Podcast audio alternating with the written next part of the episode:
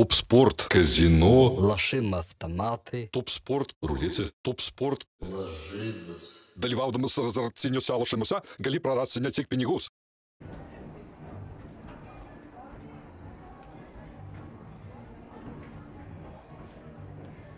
Sveiki gyvi futbolo bičiuliai, pasaulio futbolo čempionatas Katarė gauna pagreitį, prasidėjo antrasis turas, o tai reiškia, kad matome daugybę rungtynių, kurios vieniems ar kitiems yra tarsi, na, toks šansas kai kuriems pagauti tą paskutinį išsigelbėjimo ratą ir vis dar likti kovoje dėl patekimo į kitą etapą, kai kurioms komandoms e, tai yra šansas praktiškai užsitikrinti jau vietą kitame etape. Vakar ketverios rungtynės įvyko ir visai netrukus mes jas aptarsime, bei žinoma, apžvelgsime tai, kas mūsų laukia kiek vėliau šiandien jau nuo 12 val. Paulius Jekelis, kaip įprasta, Židrūnas Grudzinskas, sveikas Sveiki. gyvas e, kolega ir turbūt ilgai nelaukia nieko ir pradėkime. Pirmasis mačas - Velsas Iranas, vakar čia sėdėjome, tokie du gudrus ekspertai, kalbėjome, kad vis tik ant popieriaus Velsas atrodo tarsi šiek tiek solidesnė komanda. Aikštėje vakar, švelniai tariant, šiek tiek solidesnė buvo Irano komanda, jį laimėjo 2-0. Taip, iš tikrųjų, kalbant apie tai, ką matome popieriuje ir ką pamatėme aikštėje, netitiko tų sąrašų, vadinkime taip, tų klubų, taip, švelniai tariant. O dar kartą įrodymas, kad e, ta aistra, noras, energija, užsivedimas kartais tikrai kompensuoja, vadinkime, tuos klubų užrašytus pavadinimus, kas yra kaip pavyzdys prie Velso rinkinės sąrašo ar kas yra prie Irano. Ir iš tikrųjų tą, ką pamatėme, tą norą žaisti, norą kovoti. Ir Iranas, na, taip ir jautėsi, kad laiko klausimas, kada perlauž galų galėtas rungtynės, aišku, jau grįžtant prie to pa, pagrindinio lūžio, tai manau vis tik Henisio raudona kortelė, tai buvo tas esminis lūžis. Bet iki to irgi buvo futbolas, vadinkime taip. Aišku, Velsas turėjo ten, prisiminkime, Mūras e, 12 minutę po perdavimo iš krašto, krisdamas tą kamuolį pasiekė tikrai šiek tiek dešiniau, kairiau, vėl viskas gali keistis. Bet esmė ta, kad Iranas, palyginus, ką matėme su Anglija, na, anglų fone, aišku, tam tikrų epizodų buvo gerų ten išvelgia ir mes kalbėjome apie taip, apie tas kontratakas, apie greitas tranzicijas. Čia man kas patiko, kad visa komanda, tai yra nebuvo pavienių žaidėjų, kurie temptų tą vežimą. Aišku, yra lyderis polimes, Daras Asmūnas, bet esmė ta, kad kaip komanda, visa kaip mechanizmas tikrai veikia Irano futbolininkai labai gerai. Ir e, ta kokybė atakoje, ta šaltakraujiškumas, ramumas ir užbaigimas e, jau per pridėtą visą tą laiką, na įrodo, kad ši komanda gali ir kovos dėl antro kelialapio į, į playoffs. Golizadechas įmušė ten tiesiog po fantastiškos tokios Pepo Guardiolos geriausių laikų Barcelonos tradicijomis remiantis puikiai įvartį įmušė Iranas ir tokia labai nedidelė nuošalė. Ten turbūt galėjo pats smūgiuoti į vartus Asmūnas. Ir taip, mano manimu galėjo, tik ten aišku po netikslaus perdavimo, ten atlikinėjo, bandė pakeisti iš vieno krašto į kitą Velso futbolininkai perdavimą ir po to labai gerai tą kiekybinę persvarą vidurio zonoje pasinaudojo Irano ta trijulė. Matėme vienu lėtimu, kaip ir minėjai, iš Bet, na, Barsos laikų. tik- Bum, bum, ten taip, vienu lėtimu iš Raičio taip gražiai, na būtent tą akimirką, kur jau matėsi ir tiesioginė meterį, kad ten bus nuošalė, kad neužskaitys to įvarčio. O šiaip tikrai labai viską gražiai išsprendė ir manau, kad vat, būtent tas ramumas priekyje persikėlė visų rungtynių metu ir na, pabaigoje matėme kaip ir antrą įvartį įmušį. Tai iš esmės principas kiekybinę persvarą turi, labai gražiai ir ramiai užbaigė. Taip pat Iranas tikrai buvo pasiruošę puikiai šitoms rungtynėms ir nelošė antrų ryškių numerių. Tikrai nebuvo taip, kad atiduotų teritorinę persvarą, kad e, gaudytų tik ant kontratakų. Ne, kur reikėjo ir pozicinėse atakose matėme, ir kamuolį labai puikiai rideno, ir trumpais perdavimus, ir pusiau ilgais į kraštus. Taip kad tikrai parodė tą įvairovę futbolo visų e, komponentų ir tikrai pelnytai laimėjo. Azmūnas šį kartą galėjo žaisti startinėje sudėtyje, matėme, kad galų galę patyrė traumą, bet vis tiek jo tas žaidimas startinėje sudėtyje, jis tariami prieki iš karto tas vaizdas dar solidesnis atakoje, ne? Nes abu gali žaisti ir nugarą, gali žaisti ir veidų į varžovus, e, puikiai dengiasi į erdvės, gera kamulio kontrolė. Ta prasme, jie turi viską, kas reikalinga tokio lygio futbolui. Tai natūralu, kad priekį turi žaidėjus, kurie užsikabina už kamulio, kurie, kurie sugeba įveikti varžovą vienas prieš vieną, kurie pritraukia prie savęs keletą varžovų, atiduoda perdavimus. Tai yra visiškai kitas futbolas. Ir matėme, kad tas kamuolys nestrikdavo puolime. Ta prasme, nu, nebuvo tų labai daug praradimų. Tiesiog matėsi, abu puolėjai buvo pastebimi ir neveltui, kaip minėjau, tos atakos tokios ir buvo rutuliuojamos. A, Svarbiausia įvykiai 98 minutė, Češmi, na, visiška patranka iš toli, įspūdingas įvartis ir po 3 minučių Razajenas, antrasis įvartis ir jau matėme Velso žaidėjai, grėbėsi už galvų. Na, a, turbūt reikia pripažinti, kad ir Neko Williamsas e, sužaidė labai vidutinės rungtynės kaip ir visa komanda. Taip. Apie Garetą Beilą, na, turbūt ta žvaigždė jau yra nusileidusi ir vakar, na, jeigu tai nebūtų Beilas, jeigu nebūtų tas statusas, aš manau, kad uh, kuris nors kitas žaidėjas labai tikėtina daug anksčiau būtų tiesiog Būtų pakeistas. pakeistas. Taip, taip, pilnai su tuo sutinku. Beilas, na, už visus nuopelnus e, savo e, ilgos, puikios e, karjeros, vadinkime taip, ir vėl savo rinktinėje buvo paliktas aikštėje, nes iš esmės jis buvo prapuolęs. O to lyderio savybių, kad vienas e, paimtų kaip anksčiau kamolį, kažkur padarytų persvarą, aštintų žaidimą, atlikinėtų perdavimus, smūgiuoti į vartus, na to jau, jau nėra. Ir galbūt ir negalima iš jo to reikalauti. Bet apmaudu tai, kad jau per visą tą vadinkime pridėtą laiką, kur liko minutė, jau iki tos devintos kompensuojamos minutės, praleido įvartį. Ir aišku, e, na kaip minėjai, kad tie įvarčiai nulėmė. Mano manimu, vis tik ta 85 minutė, kada buvo Velso vartininkas pašalintas iš aikštės. Ten buvo klausimų, ar, ar pelnytai, ar ne, nes jis jas parodė geltoną. Bet vienas niuansas, e, kodėl pakeitė sprendimą, vadinkime taip ir varas. Nes matėme, labai e, buvo kamulio išmušimas iš kitos pusės ir teisės buvo toli. Ir, na, kai ir mūsų kolegos kalbėjo, jam labai sunku tą pamatyti. Nes tu ten kokie 340 metrų atsilikęs nuo viso veiksmo, ar ten dar yra žmonių kažkoks kontaktas ir tikrai e, teisėjas, na, bėgdamas į tą vietą, na, negali iš karto traukti rudos kortelės įrodyti. Manau, kol bėgi, bandai komunikuoti, bet nėra taip paprasta. Jeigu nepataikytų iš kojos į veidą, o būtų kažkoks kontaktas kūnu, nebūtų raudonos kortelės. Nes tai, jeigu ten Henis įgaudytų korpusų kažkur, ten bandytų išmušti kamuolį, bet nu, viskas būtų gražiau. Nes ten matėme pasaugojimas buvo. Bet manau, kad nemaža dalimi nulėmė, vadinkime, grubumas tos klaidos ir galima vėl rizika. Nes nu kur ten iššoko, vėl į veidą keliu pataikė. Tai manau, kad ten diskutuoti apie tai nereikia. Šiek tiek juokaujant, tai apie tą epizodą galima pasakyti, kad na, tokie taurieji gėrimai Katare yra uždrausti ir šiuo atveju Henesis irgi buvo pašalintas iš Arba teisėjai nepatinka tokio lygio gėrimai ir nutrina raudoną. A, Tai tiek apie šias rungtynės. Antrasis mačas šeimininkai, Kataro futbolininkai po, nors rezultatas nebuvo fiasko, bet jų žaidimas prieš Ekvadorą pirmajame kelnie buvo fiasko. Vakar vėl pralaimėta dviejų įvarčių skirtumų, bet Židrūnai, ar tas vienas, trys šiuo atveju tavo nuomonė buvo solidesnis ir ar treneris įgyvendino pažadą, kad mes kitose rungtynėse būsime geresni? Taip, tikrai manau įgyvendino ir atmetus visiškai vaikiškas grubės klaidas, kurios išbalansavo šiek tiek komandą, nes net specialiai pasižymėjau laiką, iki kada Kataras labai drausmingai rungtyniavo. Tai yra 25, tai tokia 28 minuto iki to laiko tikrai nieko Senegalas neturėjo, nieko negalėjo tokio rimtesnio, o tas jų gynybinis blokas labai smagiai judėjo.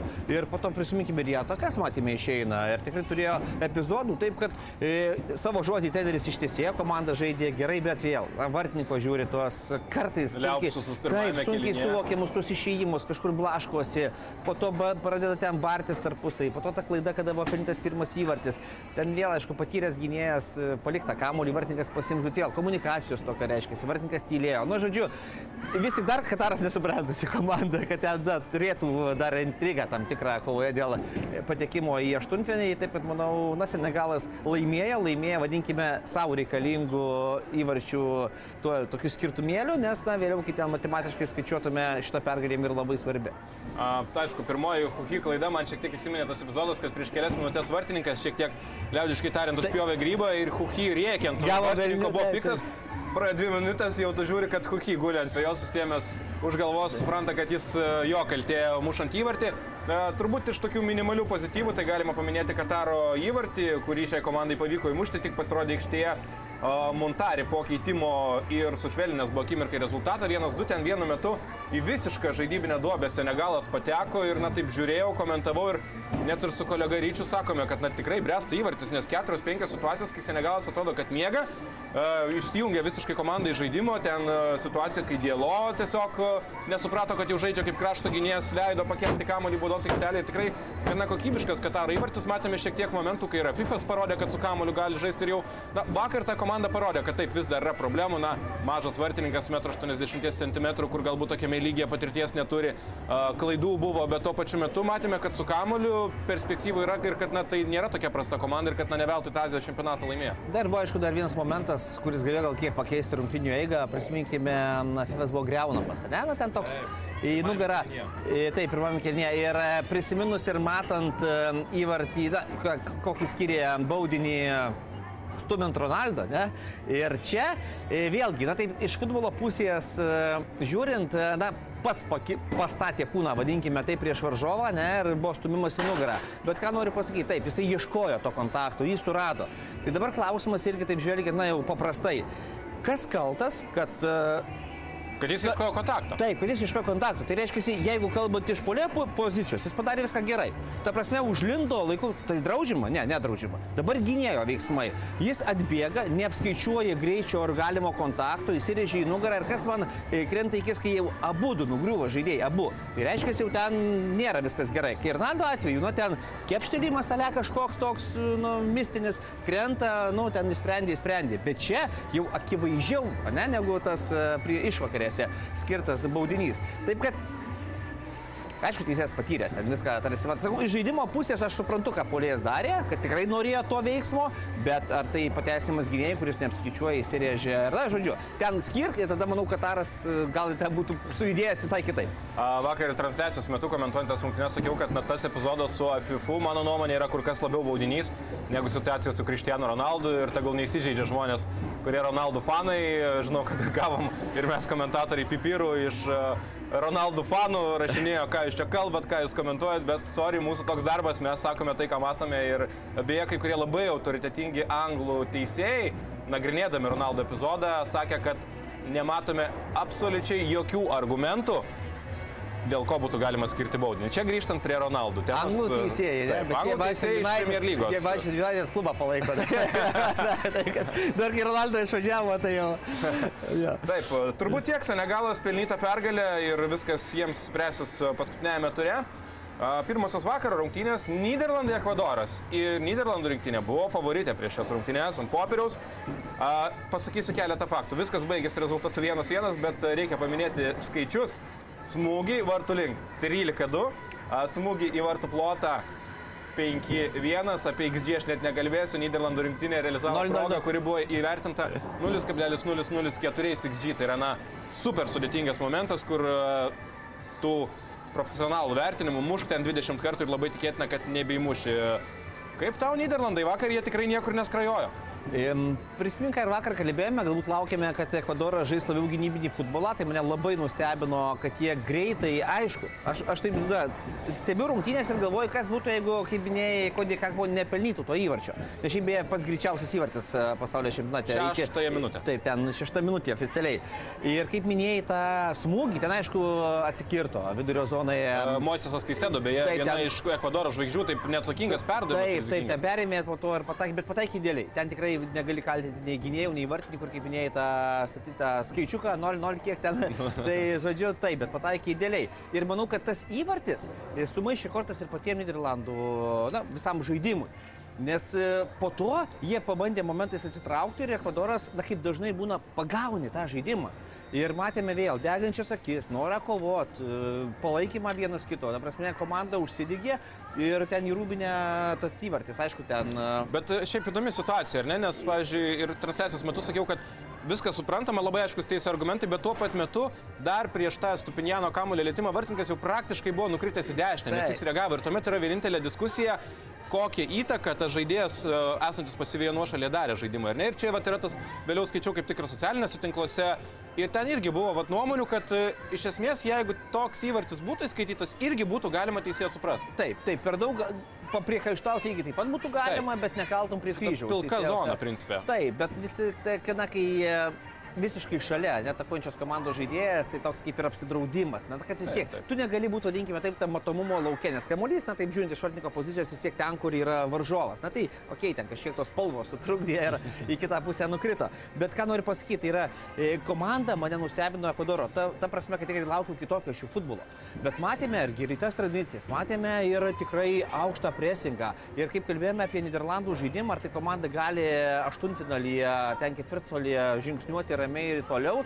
Na tai, ką dabar įvertinus pirmas ir antras rungtynės, labai abejoju. Labai abejoju, nes na, nėra to užtikrintumo, nėra tokio, kai anksčiau būdavo Niderlandai žaidžia, tai yra kiekviena pozicija rami, užtikrinta. Dabar kažkur perskubama, kažkur perdavimų, pažiūrėkime, ten ta kokybė irgi buvo etapai, kada na, ten sunkiai ir, ir keista. Ir stebi komandą, kuri pirmauja, kuri gali ramiai rungtyniauti, turint erdvių jomis naudotis, ne, nieko neišėjo. Ir Ekvadoras, sakau, lenkiu kepurę galvą, nes tikrai nustebino labai maloniai ir iš esmės turėjo laimėti. Šiaip, nu, pagal visus tuos momentus, pagal... Pagal visus skaičius Ta, tai, laimėt. pagal visus skaičius ir iš dalies jie pasisekė Niderlandam. ir neįskaitytas vienas įvartis, prisiminkime paskui smūgį į vartų konstrukciją, viskas, ką turėjo Niderlandai, tai įvartis iš super sunkios situacijos ir antrajame kilnie prisiminkime momentą, kai Kopminersas tiesiog pirmas buvo prie kamulio ir ten iš kokių 25 metrų šovė Dievo į langus, tai buvo viskas ir šiaip Niderlandų rinktinė polime turi didelių, didelių problemų čempionato starte.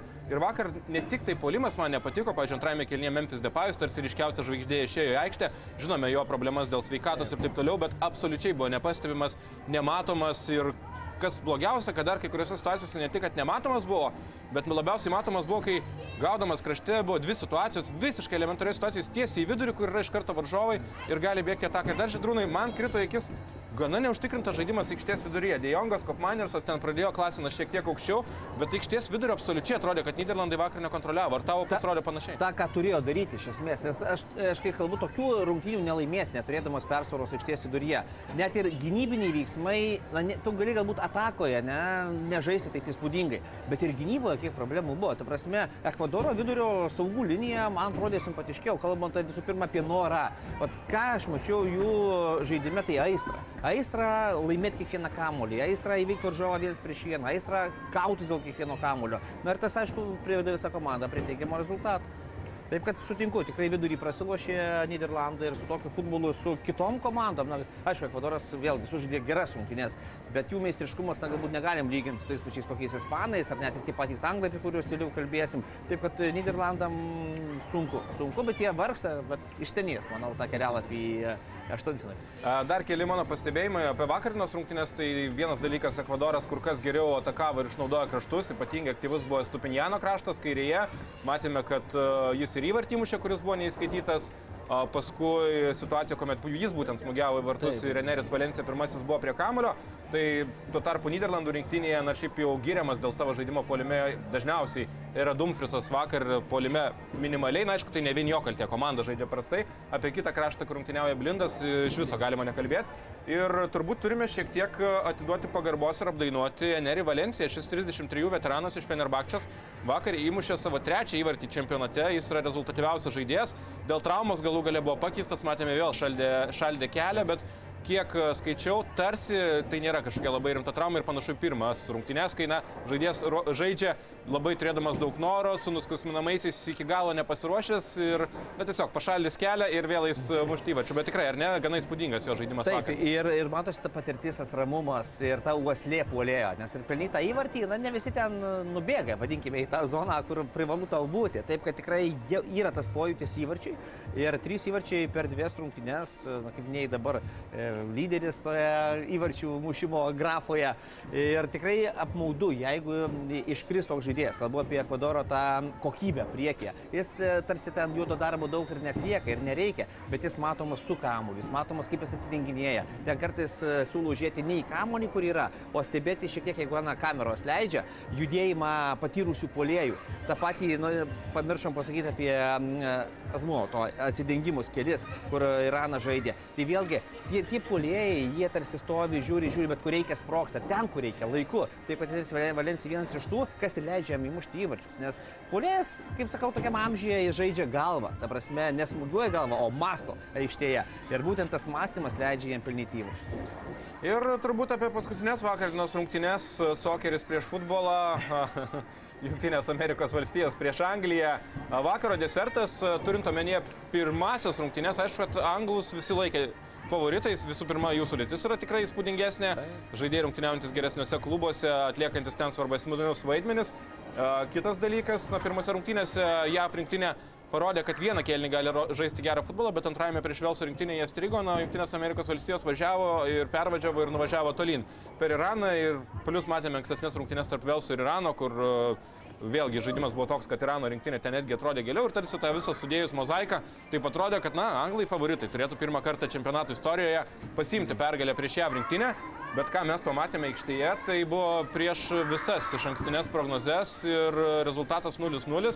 Ar šiuo atveju jis desningas, o gal net JAV rinktinė turėjo laimėti? Va, va, galbūt apie tuos pavojingesnius momentus, jeigu jau taip e, išanalizavus ir sudėliojus, manau, kad tų rimtesnių progų ten gal viena kita daugiau turėjo ir amerikiečiai. Aišku, anglai turėjo savo šansus, bet e, esmė tame, kad vėlgi ta žaidybinė drausmė ir žaidimo planas, kalbu apie amerikiečius, nes, na, taip, mes visada galbūt tokiuose turnyruose e, linkstame pagal paskutinės rungtynės. Na, prasme, aišku, po vienas tik sužaidė ir tu stebi, kaip žaidė komandos ir kaip na, galima įsivaizduoti tų rungtynių scenarių. Tai čia kas patiko, kad iš karto amerikiečiai aukštai pakėlė tris žaidėjus savo priekinės linijos, jie Raitą ir Pulišičių ir neleidžia visiškai gynėjami žaidinėti kamulio taip lengvai, turiu omenyje jau Šon, Maguire, Stonsą ir Tripierą. Taip kad tikrai ten tas drasus toks žaidimo pasirinkimo planas, plus vėl kibumas, mobilumas, pasaugojimas. Tai yra, nėra tarpų tarp brandžių. Jeigu imta gynybų bloką, ten, nu, pavyzdys nuo būdos aikštelės iki ten 40 metrų ir imt e, tarp šoninių linijų, tai yra viskas kompaktiška, visur spėjama. Nes jeigu jau anglai turi ten keletą progelių arba atlieka ten kelis smūgius per kėlinį, tai daug ką pasako apie visos komandos gynybą. Nes na, dar kartą noriu pabrėžti, viskas prasideda nuo priekinės linijos. Tai va ta trijulė amerikiečių, ką paminėjau, jie dirba juodą darbą visi. Tai yra ir atimime, ir agresyvūs, ir ore, ir ant žemės. Prasme, matėme vėl amerikiečius, kaip na, ten e, mūsų kolega Rokas Griausas labai gerai įžangą padarė prieš rungtynes. Tai iš tikrųjų matėme tą nusiteikimą. Ir amerikiečiai, mano manimu, turėjo dar ir bausti anglus e, keliuose epizoduose išplėšti pergalę sunkia ir palikti problemų daugiau anglam, negu kad patys dabar susikūrė. Man patiko, kalbant apie tas rungtynes, paskui vienas tweetas, kurį pamačiau Twitter'yje. E, Ten buvo rašoma, kad Filas Faudinas sukūrė tiek pat pavojingų progų, kiek e, visi jo komandos draugai atakuojančiose pozicijose žaidė, nors Filas Faudinas nerungtyniavo tose rungtynėse. E, Ir gario tu saugyti to pasirinkimą, ir ne, po vakarinos rungtynių jau, na kaip visada Anglijos rinktinė, visi kalba, rašo, kai eina gerai išlovina, kai Taip, na, nesiseka. natūralu, taip. Tai normalu, Taip. ar ne, bet vakar turbūt ir vėl galima šiek tiek kelti klausimus, kad Susidaro įspūdis, kad Salgytas vis tik turi tos favoritus ir juos renkasi, jais pasitikė galbūt neatsižvelgiant labai į tai, kaip jie žaidžia klubuose. Tai yra, kai kurie žaidėjai, kurie klubuose žaidžia galbūt solidžiau už savo kolegas tose pozicijose, jie dažnai lieka ant suolo ir turbūt Faudinas yra vienas tų pavyzdžių. Ir manau, kad būtent tą vienintelį asmenį taip ir paminėkime, ne Faudinas. Nes jis tarsi turėtų žaisti ypatingai tokiuose rungtynėse išeiti ant keitimo. Nes Asaka nebuvo toks pastebimas. Ne? Sterlingas taip pat ten, e, na, momentas vienas kitas gal kur krašte tvarkydavosi, bet iš esmės Filo Faudino įmetimas į tokias sunkes rungtynės, mano manė, būtų tik į naudą, nes tai žaidėjas, kuris e, pozicinėme futbolinės prieš šią krašte gali spręsti, ką nori. Arba ir, ir ten 2 prieš 2 ar 3 prieš 3 nesvarbu, bet tai yra žaidėjas, kuris gali savo zonoje padaryti pranašumą, gali užaštrinti, atlikti perdavimą, pas užbaigti ataką smūgiu. Tai vat, kaip minėjai, tarsi turima 14 žaidėjų, ne?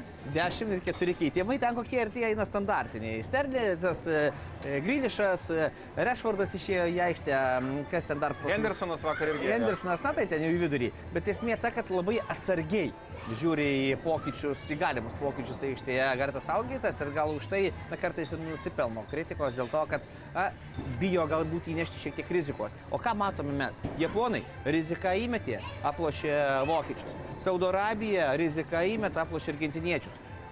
Anglai su savo potencialu galbūt prisibijo to, nes, na, 0-0, turnyje lentelė nieko baisaus, savo taškus susirinksi gal trečiajame su Velsu, na, bent lygių ten ar praloš minimalių rezultatų, to pakaks. Tai va tas atsargumas gal kartais bado akis, bet rezultatas pasiektas, kritika bus pamiršta, jeigu Anglai nuo įstoli. Įdomus dar dalykas, kurį, manau, turime paminėti, kalbant apie šias rungtynes, turbūt vienas įdomiausių vakar dienos rungtynių. Kalbama ir rašoma apie tai, kad Čiūdas Belingiamas. Pirmas rungtynės, jis buvo fantastiškas, jis buvo lyderis, tikra žvaigždė. Vakar akivaizdu, kad amerikiečiai jam skiria didelį dėmesį ir aikštės viduryje, taip paprastai kalbant, jis buvo šiek tiek suvalgytas.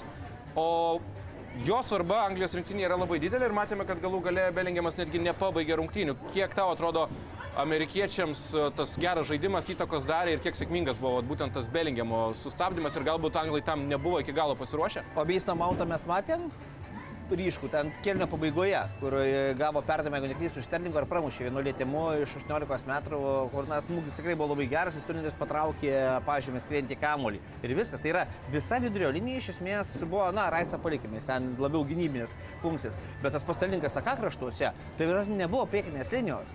Tai Harry Keinas irgi, na, ten pusę epizodo, vadinkime, turėjo. O šiaip visi izoliuoti, visi uždaryti vien tik dėl gero e, amerikiečių gynėjų ir saugų žaidimo be kamulio. Aš kažkaip minėjau tą trijulę priekyje, kurie taip pat atlieka tą pirmąjį, pirmąją bangą sulaiko atakų. Taip pat dėl Belingimo vieno izolacijos aš taip nesakyčiau. Tikrai nebuvo tas, vadinkime, objektas kaip kad pavyzdys koks Mesė, ne Argentinoje, kur žino visi, kad jis ten gali vesti tą žaidimą. Čia tą gali ir turi daryti ir Misnas Vautas, tą patį kraštuose ir Sterlingas susaka. Taip kad manau, kad e, izolacija buvo ne tik skirta Belingimui, bet visai priekiniai linijai ir jinai puikiai suveikė. Apskritai, ar ne, nebuvo baimės, matant rungtynių pradžioje, kad amerikiečiai taip drąsiai varžovus presinguoja, spaudžia, neleidžia pradėti atako, ar nebuvo tau šiek tiek tokio nerimo, kad, na, Anglijos rinktinė su jų visa kokybė išeis iš to presingo ir, na, gal kiek naiviai žaidžiančius amerikiečius pamokys, nes realiai jie taip kaip pradėjo, taip ir baigė rungtynės vienu tempu, drąsiai, agresyviai ir mane iš pradžių tai stebino, bet paskui žiūrėjau, kad Na, o kodėl to nedaryti, jeigu Būt, varžovai pasimetė? Būtent, jeigu tu pagavai vieną kartą ir įspraudai kampą varžovus, jiems nepavyksta, antrą kartą, trečią, tai palauk, kodėl dabar aš turiu atiduoti kozirius varžovui, atsitraukti ir kažko laukti? Ne.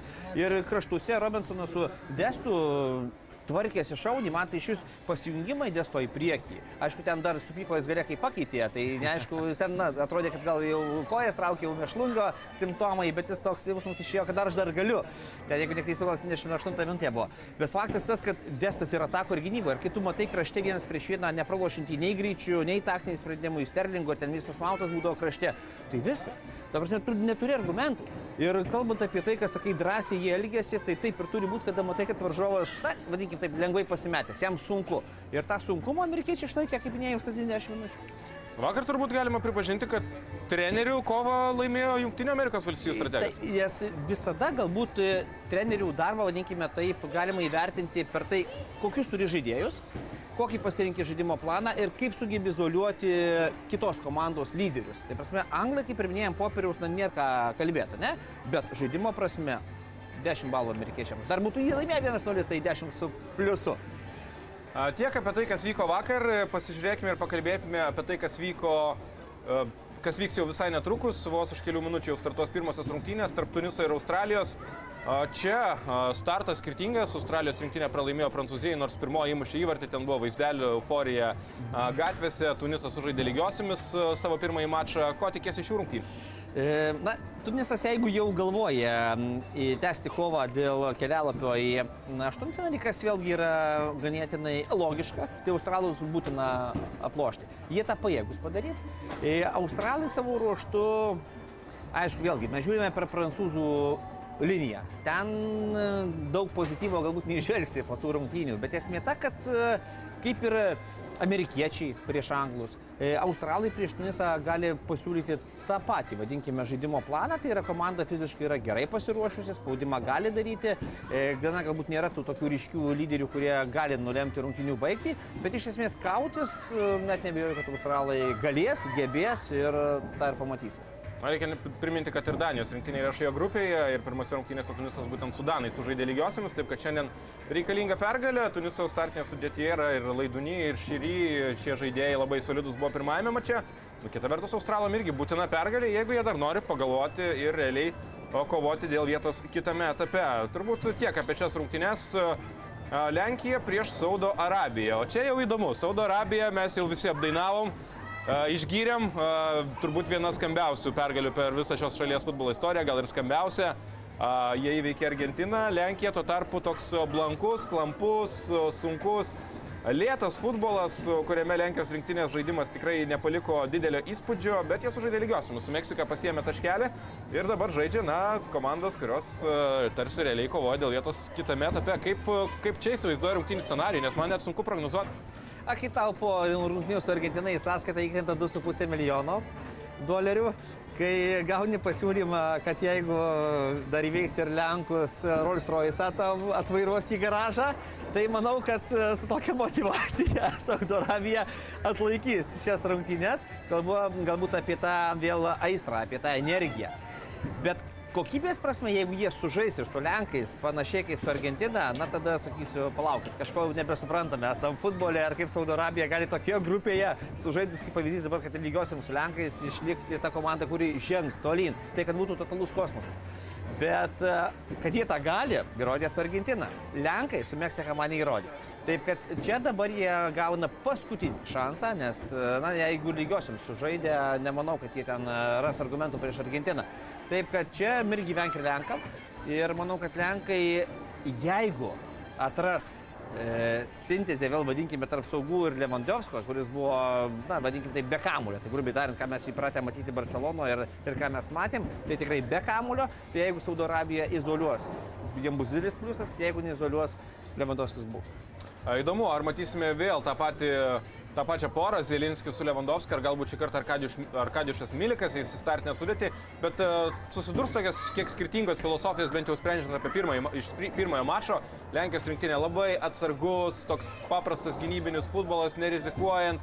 Kažkur galima šiek tiek užmygti, stebint jų žaidimą Saudo Arabija, energija, atsidavimas, autoritetų nepaisimas, ten kažkas ir mesija priekia tiesiai jam į veidą ir įvarčių gražių įmušė, taip kad bus labai įdomu. Aš kažkur galvoju, kad po tokios pergalės prieš Argentiną, vat, man jau net atsiranda toks tikėjimas, kad kaip minimum pakovoti Saudo Arabiją tikrai gali. Na, jeigu tai veikia Argentiną, kodėl tu negali prieš tai tokią atrodo pažeidžiamą Lenkijos rinktinę? Kita vertus, jeigu Lenkija laimės 3-0, nemanau, kad tai bus sensacija. Ne, tikrai ne, nes jeigu Saudo Arabija laikysis tokio agresyvaus žaidimo plano kaip Argentina ir jų gynybos linija bus labai aukštai, manau, kad Lenkai bus paruošę namų darbus, nes man ko trūko Argentinos žaidime, būtent iš gilumos pasijungimo kraštinių žaidėjų. Tai yra, kai yra daroma nuošalė, kamuolys aikštės viduryje, ten turi jau iki sprendimo perdavimui startuoti kraštinį įmetą, ten nes 40 metrų vos ne iki vartų, tai yra tikrai milžiniškios erdvės ir ten keista buvo, kad na, tris kartus ten bėgo, tos nuošalės nesvarbu, o Lenkai turi, turi tikrai padaryti išvadas, nes tu turi puikią medžiagą, vaizdinę, tu matėjai, tu išanalizavai ir tikrai turi surasti kontra vaistų Saudo Arabijos tokiam žaidimui.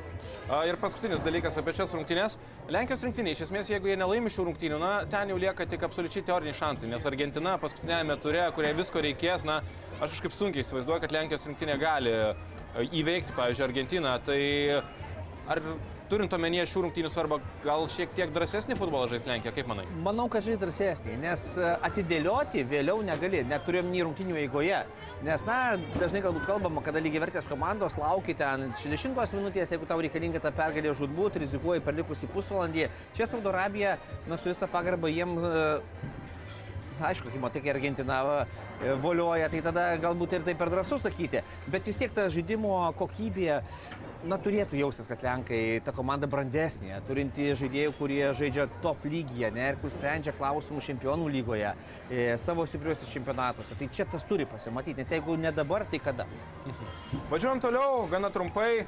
Esame tiesioginėme eteryje, kaip ir kiekvieną rytą ir jau netrukus, aišku, ir Tunis Australijos rungtynės, kurias daugelis stebėsite. Prancūzija Danija. Prancūzai 4-1 prieš Australiją. Sunkiai pradėjo, tai yra praleido įvartį, Hernandesas iškrito, dėjo sunki trauma. Bet visa tai, kas vyko toliau, parodė, kad Prancūzija ne veltui yra viena iš turnyro favoričių ir nepaisant Kunku, Benzema, Kante, Pogba ir taip toliau traumų ir netekčių, jie vis tiek yra žvėris. Ar tie žvėris šiuose rungtynėse pervažiuos ir per Danijos komandą, kuri taip pradėjo gana atsargų, ramų futbolą, iškovojo taškelį tame savo pirmajame mače su Tunisu, bet na čia irgi tarsi Danijai.